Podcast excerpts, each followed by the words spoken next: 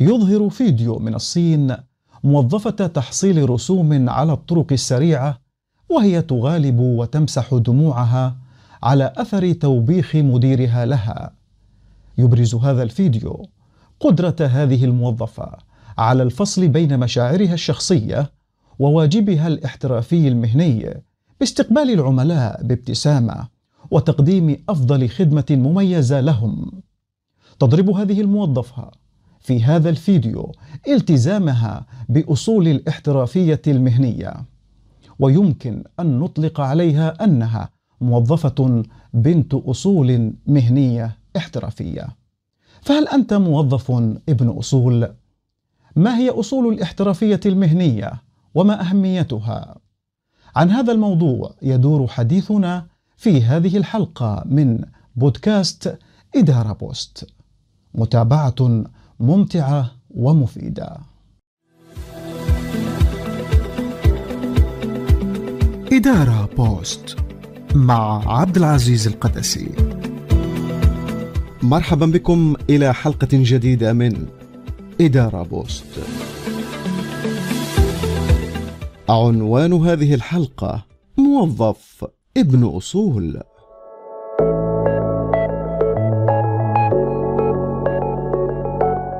ضجت أخبار وصفحات مواقع التواصل الاجتماعي social media بما تسبب به الممثل محمد رمضان من فصل طيار مصري من عمله وذلك لالتقاطه فيديو في قمرة القيادة أثناء رحلة طيران وسحبت من الطيار رخصته.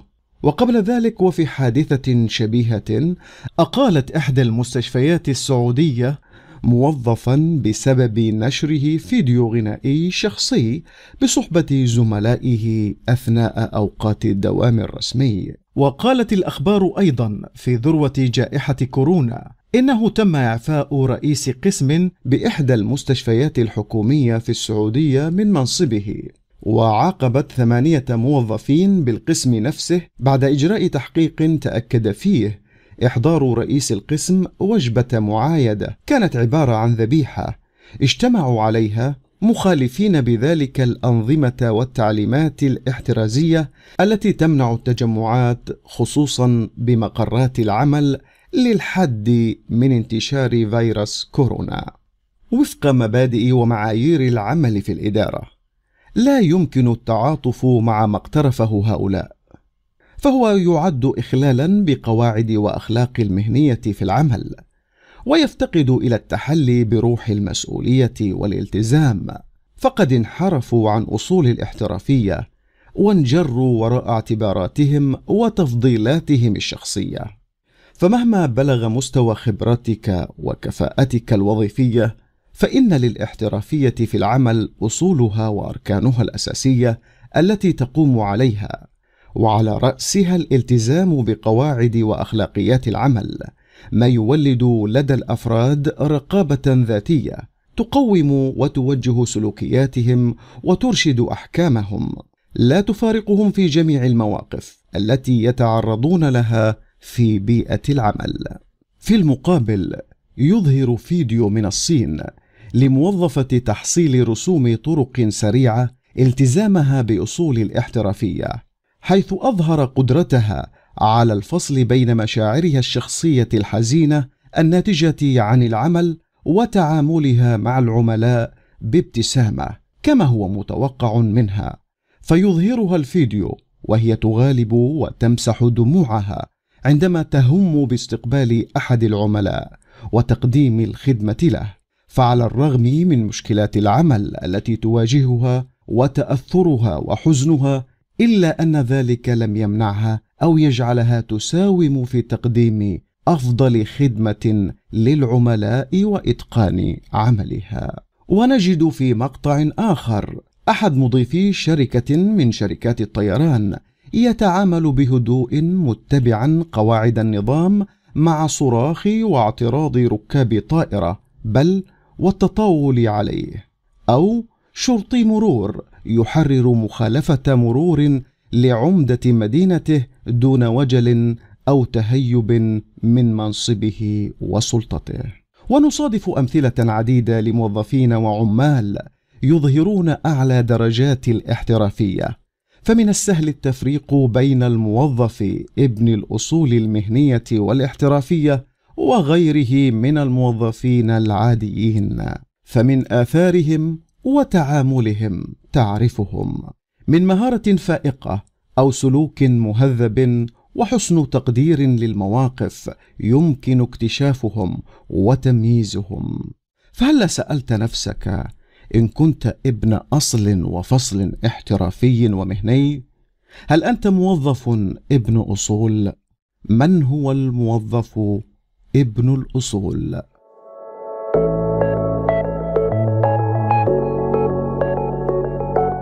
موظف ابن أصول أصول مهنية صفة يمكن إطلاقها على الموظف الذي يتمتع بصفات وسلوكيات الموظف المحترف صاحب الأخلاق والصفات المهنية الحميدة والحسنة التي اكتسبها بالخبرة والتربية المهنية وبالتعلم والتدريب. الموظف ابن الأصول هو موظف ملتزم بمعايير وقواعد السلوك ويتحلى بمجموعة صفات تميزه عند ممارسة العمل وتعكس خبرته ومهارته للقيام بالعمل بكل كفاءة وفاعلية وتظهر بصفة أساسية سلوكياته الأخلاقية وحسن تقديره وحكمه على الأمور والمواقف وتحديدا في ظروف عدم اليقين. يقولون الاحترافية ليست الوظيفة التي تقوم بها إنها الطريقة التي تؤدي بها المهام. إنها أسلوب الموظف في إظهار كفاءة تعامله مع المواقف والمعطيات. هي فن الحفاظ على الأداء المهني المتقن والالتزام بالمعايير والأخلاقيات والمظهر اللائق والمتوقع الذي يعكس شخصية الموظف ويمثل من خلاله منظمته. الأصول السبعة للاحترافية. يمتلك الموظف المحترف مجموعة متنوعة من الصفات التي تشكل معا شخصيته المهنية وطريقة عمله وتميزه عن أقرانه وتؤهله للنمو والتقدم المهني وبناء سمعة قوية. من خلال مراجعة عدد من المقالات العلمية التي تناولت موضوع الاحترافية. يمكن استخلاص عدد من الخصائص التي تميز احترافية الموظف وتمثل أصول وأركان العمل الاحترافي. فما هي هذه الأصول السبعة؟ اولا المعرفة المتخصصة. تمثل المعرفة المتخصصة أهم الصفات الدالة على احترافية الموظف فهو غالبا ما يملك معرفة ومهارات عالية التخصص. يضعها موضع التنفيذ في كل مرحلة من مراحل حياته المهنية. كما أن من أهم ما يميز المحترف بوضوح هو سعيه المستمر إلى تطوير ذاته فهو يطور نفسه باستمرار. إنه شغوف بتطوير قدراته الذاتية المعرفية والمهارية. ومن ثم توظيفها لمسايرة التقدم والتطور المستمر في مجال عمله وتحقيق الكفاءة والريادة على الدوام. ثانيا العمل بكفاءة وإتقان. يرفع المحترف شعار الإتقان اولا. فالمحترفون ينجزون أعمالهم بكفاءة وإتقان وجودة عالية. إن الإتقان هو أداء العمل على أكمل وجه بأقل العيوب التي في الغالب تكون صفرية. المحترفون مثال للالتزام بمعايير الجودة في الأداء والمخرجات. يستغلون وقتهم والموارد المتاحة خير استغلال ويحافظون عليها دون إهدار أو إهمال. ثالثا الالتزام بأخلاقيات المهنة. يحافظ الموظف المحترف على التأسي والتعامل بالأخلاقيات المهنية التي تمثل المبادئ التي تحكم سلوكه في بيئة العمل وعند أدائه للأعمال والمهام؟ إنها تمثل له النبراس الذي يسترشد به في كيفية التصرف أو التعامل مع المواقف أو الأشخاص أو المنظمات الأخرى. وعلى رأس أخلاقيات المهنة التي يحرص المحترفون على أن يتمثلونها سلوكا الصدق والأمانة والنزاهة والالتزام والتواضع واحترام الآخرين زملاء أو عملاء والتحلي بالموضوعية وغيرها من الأخلاقيات. الاحترافية تعني أن تكون قدوة في الأخلاق المهنية والشخصية عند تعاملك مع الجميع وليس فقط لمن تريد أن تبهرهم أو تلفت نظرهم. يجسد المحترفون في عملهم الأمانة والصدق والنزاهة والالتزام فهم مخلصون وأمناء يحافظون على موارد المنظمة وأسرارها يحافظون على كلمتهم ووعودهم ويتحلون بالوضوح والشفافية. لا يراؤون أو يخدعون الآخرين. ملتزمون ببذل أقصى الجهود في سبيل إنجاز المهام وتحقيقها ويمكن الوثوق بهم بسبب ذلك. فهم لا يساومون ابدا على معايير العمل وجودته وإتقانه. وسوف يفعلون الشيء الصحيح حتى عندما يعني ذلك اتخاذ طريق صعب. أضف إلى ذلك فإن المحترفين الحقيقيين متواضعون. فإذا كان هناك مشروع أو وظيفة تقع خارج نطاق خبرتهم فلن يخشوا الاعتراف بذلك. يطلبون المساعدة فورا عندما يحتاجون إليها وهم على استعداد للتعلم من الآخرين. رابعا التحلي بالمسؤولية والضمير الحي. الإحساس العالي بالمسؤولية من أهم ما يميز الموظف المحترف.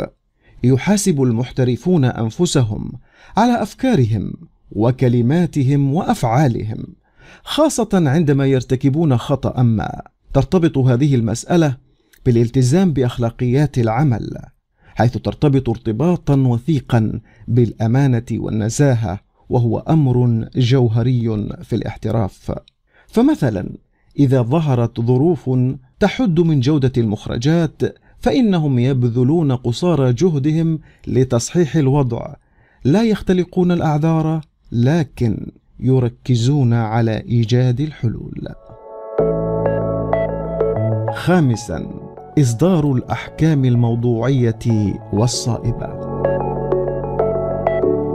المحترفون قادرون على إصدار الأحكام والقرارات الصائبة. والاستفادة من خبراتهم ومهاراتهم للوصول إلى قرارات رشيدة وموضوعية تحديدا في ظروف عدم اليقين أو في الظروف الحرجة مثل أن يتعامل الطبيب أو الجراح مع مواقف طارئة لمصاب ما أو عند إجراء عمليات حرجة. كما أن الموظف الاحترافي لا يتورط في إصدار أحكام مبنية على تحيزات أو انطباعات وآراء شخصية. إنه يصدر أحكامه وقراراته بناء على إعمال الموضوعية وتحري العدالة. فقراراته ليست متحيزة بسبب آراء أو علاقات شخصية أو تحيزات واعية أو لا واعية. إنه قادر على فصل عواطفه وتفضيلاته الشخصية والثقافية والفكرية عن الوقائع والمعطيات والنظر إليها بتجرد دون تشويش واتخاذ قرارات عادلة وصائبة والعمل بشكل جيد مع الآخرين. سادسا حسن التواصل واحترام الآخرين. يعد التواصل والاتصال الجيد والفعال من أهم المهارات التي يمتلكها الموظف المحترف. المحترفون قادرون على التواصل الفعال مع الأفراد الآخرين والاستماع إليهم ونقل أفكارهم وآرائهم وإدارة علاقاتهم بكفاءة وفهم احتياجات ودوافع من حولهم. يتميز الأفراد الاحترافيون بمستوى عال من الذكاء الشخصي الاجتماعي بحساسيتهم تجاه مشاعر الآخرين ومزاجهم ودوافعهم. وينطلق المحترفون في تواصلهم وعلاقتهم بالآخر في العمل من قاعدة احترام الآخرين زملاء وعملاء الاحترام المتبادل الاهتمام بهم وتقديرهم وتفهم وتقبل آرائهم وتجنب الجدال ومعاملتهم بلطف والتعاطف معهم ومبادلتهم مشاعر الامتنان. إنهم مثلا يتجنبون الصراعات والخوض في جدالات سياسية أو دينية داخل حدود العمل ويحرصون على الاستمرار في أداء المهام وتحمل المسؤوليات بالمعتاد المعهود بكل كفاءة وفاعلية مع اختلاف الظروف أو التعرض للضغوط أو تغير الحال المزاجيه أو حدوث أي مشكلات في العمل أو مشكلات شخصية. سابعا المظهر الحسن. الاحتراف هو الطريقة التي تتصرف بها في العمل وتمثل بها نفسك ومنظمتك بطريقة إيجابية ومميزة. لذا فإن المحترفين حريصون على الالتزام بالمظهر اللائق من لباس وأدوات معينة خاصة بالمهنة. وأدائها. أقر ممارسون مهنيون شاركوا في أحد الاستطلاعات أن جمال المظهر والعرض الذاتي ومهارات التعامل مع الآخرين تؤثر على النجاح الوظيفي. واعتبر معظمهم أن الصورة المهنية تعد جزءا مهما من الاحترافية العالية في العمل. الموظف المحترف مثلا يهتم بارتداء الملابس الأنيقة والالتزام بالنظافة الشخصية ونظافة الفم والأسنان والاعتناء بتصفيف الشعر وحلقته والعناية بالبشرة وغيرها من الأمور التي تعكس اهتمامه بمظهره وأناقته وتعطي انطباعا جيدا عنه وتعكس احترامه لمهنته وللآخرين بل وتؤثر حتى في نفسيته وثقته بنفسه. المحترف هو شخص يهتم بمظهره في مكان العمل. كيف يبدو للآخرين؟ وكيف يؤثر ذلك فيهم وفي مشاعرهم وفي نفسيته هو في المقام الأول؟ أن تكون موظفا ابن أصول. يتفق الخبراء على أن الاحترافية هي أهم العوامل التي تحدد مستوى نجاحك. حيث تؤثر في كل جانب من جوانب قيامك بعملك ويمكن أن يكلفك الافتقار إلى الاحترافية فقدان الكثير من المزايا بل قد يصل الأمر إلى فقدانك وظيفتك. في عالم الأعمال اليوم تعبر احترافيتك عن شخصيتك وأسلوبك المهني. إنها عنوان تميزك وطريقتك التي تتعامل بها مع المواقف. وتتواصل بها مع الآخرين. كونك محترفا فإن ذلك يضمن لك انطباعا ايجابيا لدى الآخرين وعلاقات شخصية ناجحة وسمعة حسنة دائمة داخل مؤسستك ومجال نشاطك. لقد أضحت الاحترافية مطلبا اساسيا لا غنى عنه لتأدية الأعمال والمهام على اختلاف أنواع الوظائف. إنها السر الذي يجعل منك موظفا من الصعب جدا على الشركة أو المنظمة أن تتخلى عنه. وتجعل من أصحاب العمل والقادة والمديرين يقدرونك ويثقون بك بدرجة أعلى من زملائك. وباعتبارك موظفا ابن أصول.